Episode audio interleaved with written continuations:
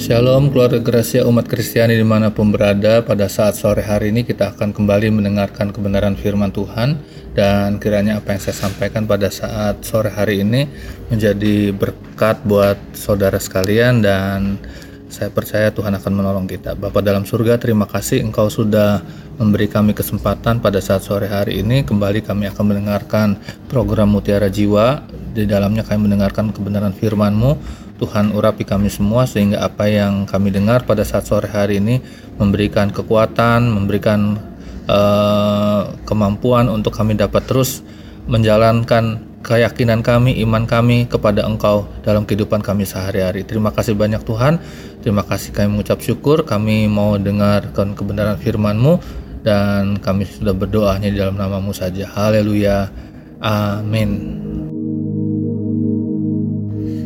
Baik keluarga Gracia umat Kristiani di mana pun berada pada saat sore hari ini kita bersyukur kepada Tuhan karena Tuhan masih memberikan kita kesempatan untuk uh, hidup, untuk kita dapat berkarya, untuk kita dapat melakukan sesuatu bagi namanya. Kami kita bersyukur uh, kepada Tuhan kalau kita dalam keadaan baik, tidak kurang suatu apa pun, itu juga karena kemurahan Tuhan. Uh, hari ini kita akan belajar dari firman Tuhan mengenai pengharapan kepada Tuhan. Dan saya percaya ada begitu banyak orang-orang pada hari-hari ini mulai terkikis uh, hatinya oleh karena kenyataan realitas yang sedang berlangsung dalam kehidupannya. Dan kita percaya bahwa di dalam Tuhan Tuhan tidak pernah mengecewakan kita kita akan melihat apa yang dikatakan oleh Paulus dalam surat Roma pasal 5 ayat 2 sampai 5. Paulus mengatakan di sana bahwa kita beroleh jalan masuk oleh iman kepada kasih karunia dan di dalam kasih karunia ini kita berdiri, kita bermegah di dalam pengharapan akan menerima kemuliaan dari Tuhan. Kita bukan hanya itu saja, tapi kita juga malah bermegah dalam kesengsaraan kita, karena kita tahu bahwa di dalam kesengsaraan itu menimbulkan ketekunan dan di dalam ketekunan menimbulkan tahan uji dan e, ketika kita tahan uji itu akan menimbulkan pengharapan dan pengharapan itu Paulus katakan tidak mengecewakan karena apa? Karena kasih Tuhan telah dicurahkan dalam hati kita oleh Roh Kudus yang telah dikaruniakan kepada kita. Keluarga Gracia umat Kristiani betapa luar biasa Paulus menulis surat ini, dia menulis ayat ini dan kita melihat bahwa Paulus sangat paham kondisi keadaan daripada orang-orang percaya pada waktu itu. Eh, orang-orang uh, percaya pada saat itu, pada zaman itu, mereka sedang dalam keadaan uh, sengsara, mereka dianiaya, mereka hidup dalam taraf uh, hidup sebagai budak dan lain sebagainya.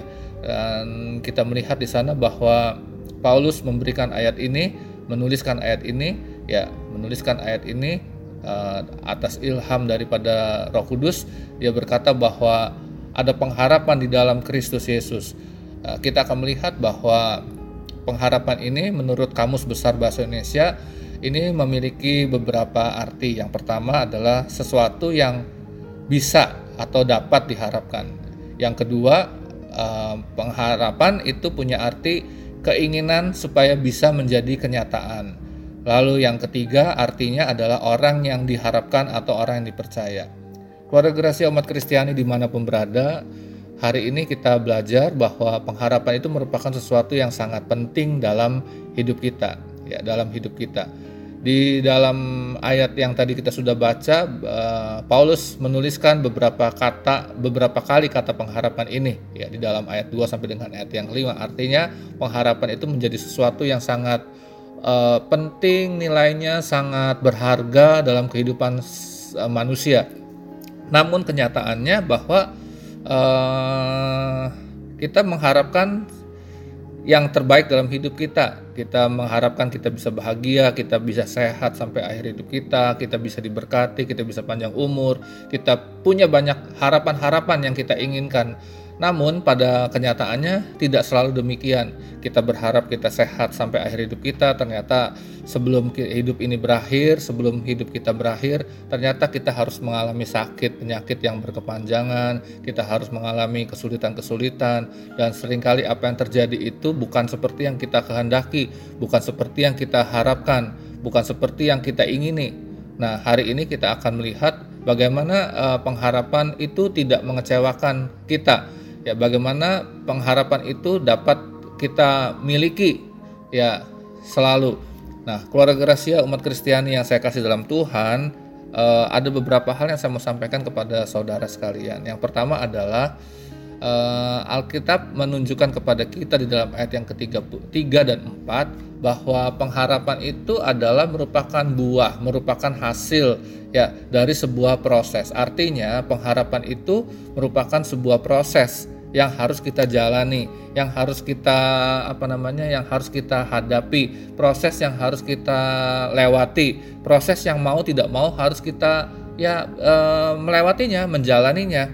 Ya, tidak mudah kita e, melewati e, proses ini. Pengharapan bukanlah sesuatu yang diletakkan di depan ya, di depan. Bukan juga terjadi seketika melalui uh, seketika ya. Kalau waktu kita berharap uh, kita bisa sembuh lalu kemudian waktu kita berharap kita bisa sembuh kita kemudian tiba-tiba menjadi sembuh. Waktu kita berharap di tengah-tengah gunjang-ganjing ekonomi yang tidak baik kita berharap supaya kita bisa survive dalam uh, ekonomi kita tidak terpuruk lalu tiba-tiba saja ekonomi kita jadi membaik. Tidak demikian saudara sekalian. Keluarga gerasi umat Kristiani yang saya kasih dalam Tuhan. Pengharapan itu uh, harus melalui sebuah proses ya. Harus melalui sebuah proses. Untuk dapat memiliki pengharapan yang tidak mengecewakan seseorang itu harus melalui proses ya. Dan prosesnya itu namanya kesengsaraan. Dan kesengsaraan itu banyak orang tidak mau melewatinya banyak orang menghindarinya banyak orang tidak bersedia untuk masuk ke dalamnya. Atau kalau tidak demikian eh, banyak orang lari ketika dia uh, berhadapan dengan kesulitan-kesulitan, berhadapan dengan masalah-masalah uh, yang diizinkan Tuhan uh, datang kepadanya. Ya, uh, kita melihat di sana bahwa pengharapan yang tidak mengecewakan itu harus melewati sebuah proses, melewati satu uh, satu kurun waktu di mana di dalamnya itu ada saja kesulitan-kesulitan, ada saja kesengsaraan, ada saja penderitaan dan kemampuan bertahan dari berbagai pergumulan hidup ini ya kemampuan kita bisa bertahan kemampuan kita bisa tetap survive sampai hari ini dalam pergumulan-pergumulan hidup kita itu menimbulkan ketekunan. Ya Alkitab berkata demikian. Paulus menuliskan uh, menimbulkan ketekunan ya. Kemudian ketekunan itu juga masih diuji lagi ya. Ketekunan kita diuji. Ada berapa banyak orang tidak bisa tekun sampai akhir ya. Ketika ujian itu uh, diterapkan pada ketekunannya. Jadi bukan hanya pada waktu kita mengharapkan sesuatu kita harus masuk dalam proses ya dalam proses yang di dalamnya ada penderitaan, ada kesulitan dan lain sebagainya. Tapi ketika kita berhasil dalam pergumulan hidup ini uh, tekun ya tidak meninggalkan Tuhan, tidak mengingkari Tuhan, ketekunan itu pun diuji ya diuji lagi sehingga uh, kalau ketekunan itu berhasil uh, berhasil maka ketekunan itu akan menghasilkan pengharapan ya penghasilan pengharapan. Keluarga rahasia umat Kristiani yang saya kasih dalam Tuhan jadi bukan hanya sebuah proses saja tapi juga merupakan uh, satu hal yang di dalamnya kita akan mendapatkan satu yang disebut ketekunan. Ketekunan uh, untuk sebuah pengharapan. Keluarga rahasia umat Kristiani yang saya kasih dalam Tuhan dalam kehidupan real dalam kehidupan banyak orang uh, banyak orang kecewa terhadap apa yang dia harapkan. Karena apa? Karena dia meletakkan pengharapannya di dalam proses yang lain. Ketika seorang meletakkan pengharapannya terlebih dahulu pengharapan tersebut dapat mengecewakannya. Ketika kesengsaraan datang dan belum tahan uji pengharapan itu akan membuahkan kecewaan kekecewaan Pengharapan sejati yang tidak mengecewakan adalah pengharapan yang tahan uji. Ya. Jadi dalam segala situasi, dalam segala keadaan, orang itu tetap berpegang kepada Tuhan, tetap uh, setia kepada Tuhan. Bahkan di dalam kesengsaraan, orang ini uh, tidak meninggalkan Tuhan. Ya. Sehingga apa pun yang terjadi, pengharapan itu tidak pernah uh, mengecewakan dia. Uh, ada contoh dalam Alkitab Abraham. Abraham dia mengharapkan untuk mendapatkan seorang anak. Bahkan di dalam usianya yang lanjut sekalipun dikatakan dikatakan tidak ada dasar untuk dia berharap tapi dia tetap ya tetap dia meyakini bahwa Tuhan itu mampu ya mampu melakukan sesuatu yang sangat besar, mampu melakukan sesuatu yang sangat luar biasa dalam kehidupannya. Itu yang dipegang oleh Abraham. Ya meskipun uh, Alkitab menulis di sana bahwa Abraham itu sebetulnya uh, sudah tidak berdaya. Sarah pun sudah uh, mati haid dikatakan tidak bisa lagi uh, tidak ada lagi benih yang bisa dihasilkan untuk uh, proses sebuah pembuahan uh, untuk memiliki seorang anak tetapi kita membaca Abraham begitu sangat tekun begitu sangat uh, ya sangat berharap kepada Tuhan ya. Meskipun dia tidak punya dasar untuk mengharapkan karena usianya sudah tua dari segi kesehatan pun juga mungkin uh, tidak lagi memungkinkan untuk dia punya anak dan lain sebagainya. Keluarga Gracia umat Kristiani yang saya kasih dalam Tuhan sangat uh, bersyukur kita bisa melihat tokoh-tokoh ini dalam Alkitab dan menjadikan mereka sebagai uh, satu teladan untuk kita bisa uh, menjadikan mereka itu sebagai teladan contoh untuk kita pelajari sehingga kita bisa mengerti bahwa Tuhan itu tidak pernah meninggalkan kita ketika kita uh, ada di dalam kesulitan-kesulitan, di dalam masa-masa uh, yang tidak baik masa-masa di mana apa yang kita harapkan tidak sesuai dengan realitas yang sedang berlangsung dalam hidup kita. Keluarga rahasia umat Kristiani yang saya kasih dalam Tuhan, mari kita bertekun dalam proses yang Tuhan izinkan uh, untuk kita alami. Keluarga rahasia umat Kristiani yang saya kasih dalam Tuhan, beberapa waktu lalu saya pernah, uh, mungkin saya pernah uh, sampaikan juga ada satu kali waktu ada seorang ya orang tua seorang ayah dia menelpon dan dia berkata bahwa uh, minta didoakan supaya apa supaya anaknya itu uh, bisa mendapatkan seorang jodoh ya. Uh, anak laki-lakinya itu bisa mendapatkan jodoh yang baik jodoh yang uh, ya yang baik lah. Dan bisa dikatakan orang uh, sang ayah itu bilang uh, anaknya itu sudah patah semangat bahkan udahlah nggak nggak mau lagi jadi orang yang percaya kepada Tuhan Yesus uh, dia bilang sudahlah saya mau cari yang lain saja karena tidak tidak bisa dapat uh, seorang pasangan yang uh, uh, sesuai dengan harapannya uh, kita melihat ada begitu banyak orang ternyata uh, hanya dari segi-segi yang semacam itu orang bisa kecewa dan kemudian berpikir untuk meninggalkan Tuhan. Keluarga Gracia umat Kristiani yang saya kasih dalam Tuhan pada hari ini kita melihat bahwa pengharapan itu merupakan uh, sebuah proses ya. Ada urutannya, sengsara, tekun, tahan uji, lalu kemudian pengharapan. Dan pengharapan itu akan berproses terus ya. Ketika kita berharap, kita masuk lagi dalam sebuah kesengsaraan, kesulitan, dan kemudian kalau kita tekun, kita tahan uji, kita menghasilkan pengharapan, kita hidup dari sehari ke sehari dari pengharapan yang satu kepada pengharapan yang lain sehingga eh, makin hari pengharapan itu makin besar, makin besar dan saya percaya bahwa Tuhan tidak pernah uh, memandang sepele terhadap apa yang menjadi harapan kita. Keluarga Gracia umat Kristiani yang saya kasih dalam Tuhan, hal yang kedua yang saya mau sampaikan kepada saudara, yaitu di dalam Mazmur pasal 147 ayat yang ke-11. Di sana dikatakan Tuhan senang kepada orang-orang yang takut akan Dia, kepada orang-orang yang berharap akan kasih setianya. Yang kedua, pengharapan itu bukan hanya sebagai suatu proses yang harus kita jalani, ya, yang harus kita jalani, tapi kita membaca dalam firman Tuhan bahwa pengharapan itu harus kita letakkan kepada Tuhan.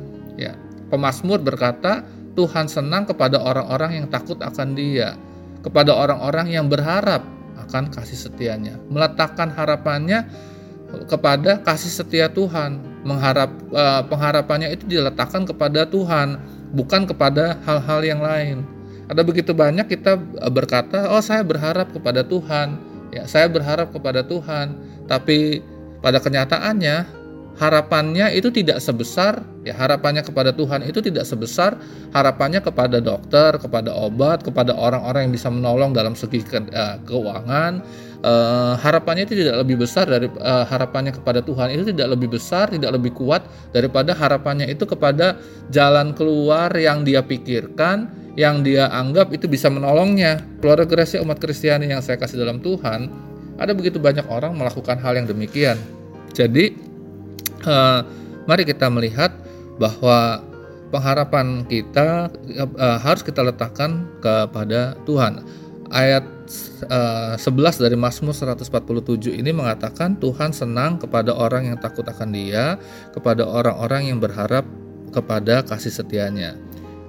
Ketika kita berharap kepada manusia, kepada kekayaan, kekuatan, ya secara fisik atau secara pikiran dan lain sebagainya, jabatan, dan uh, dan hal-hal yang lainnya pengharapan kita itu pasti akan mengecewakan. Tidak semua orang bisa menolong kita tidak semua apa yang kita pikirkan itu sesuai dengan akan terjadi sesuai dengan yang kita pikirkan.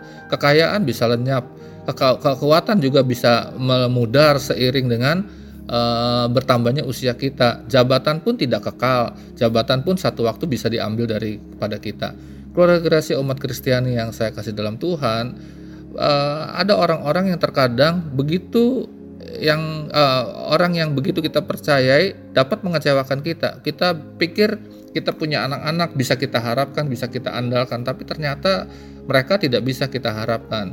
Ada orang yang berpikir bahwa uh, pasangannya bisa diandalkan, tapi ternyata tidak bisa diandalkan, tidak bisa diharapkan, mengecewakan juga. Nah, satu-satunya pengharapan yang tidak pernah mengecewakan adalah pengharapan kepada Tuhan, ya, kepada Tuhan. Apa pun yang terjadi, rancangan Tuhan bagi kita adalah rancangan yang sangat luar biasa, yaitu rancangan yang mendatangkan damai sejahtera. Hari-hari ini kita kita melihat bahwa dunia tidak tidak sedang baik-baik saja. Semua orang sedang mengalami keadaan yang tidak baik-baik saja, ya. Tapi Alkitab berkata bahwa Orang yang di dalam Tuhan, orang yang meletakkan pengharapannya kepada Tuhan, orang itu akan menerima rancangan dari Tuhan dan rancangan dari Tuhan itu mendatangkan damai sejahtera. Pengharapan dengan damai sejahtera itu merupakan uh, satu ya dua hal yang saling mengait. Kalau kita punya pengharapan kepada Tuhan, meletakkan pengharapan kita kepada Tuhan yang kekal, maka ada damai sejahtera. Kita tidak akan mengalami ketakutan, kita tidak akan mengalami kekhawatiran. Kalau kita meletakkan pengharapan kita kepada orang, kepada kekuatan seperti yang tadi saya katakan, kita bisa kecewa. Kita tidak kita akan kehilangan damai sejahtera kita. Kita akan hidup dalam kekhawatiran. Mungkin nggak ya orang itu menolong saya? Mungkin nggak ya harta saya cukup untuk sampai akhir hidup saya? Mungkin nggak ya anak-anak saya bisa membahagiakan saya? Mungkin nggak ya pasangan dan lain sebagainya itu bisa menolong saya uh, setiap waktu? Tapi yang saya mau bilang sekali lagi berharap kepada Tuhan, tekunlah dalam dalam dalam kesulitan-kesulitan yang engkau hadapi. Jangan sampai eh, hal-hal yang menekan hidup saudara itu kemudian membuat engkau tidak tahan uji sehingga engkau tidak punya pengharapan yang besar terhadap Tuhan. Hari ini saya mau katakan kepada saudara letakkanlah pengharapan kita kepada Tuhan sebab Tuhan tidak pernah mengecewakan kita. Uh, bagaimana sikap hidup kita? Ya, uh, agar kita bisa memiliki pengharapan. Yang saya mau sampaikan di bagian yang terakhir ini adalah kita perlu selalu optimis. Kita harus selalu uh, punya semangat ya.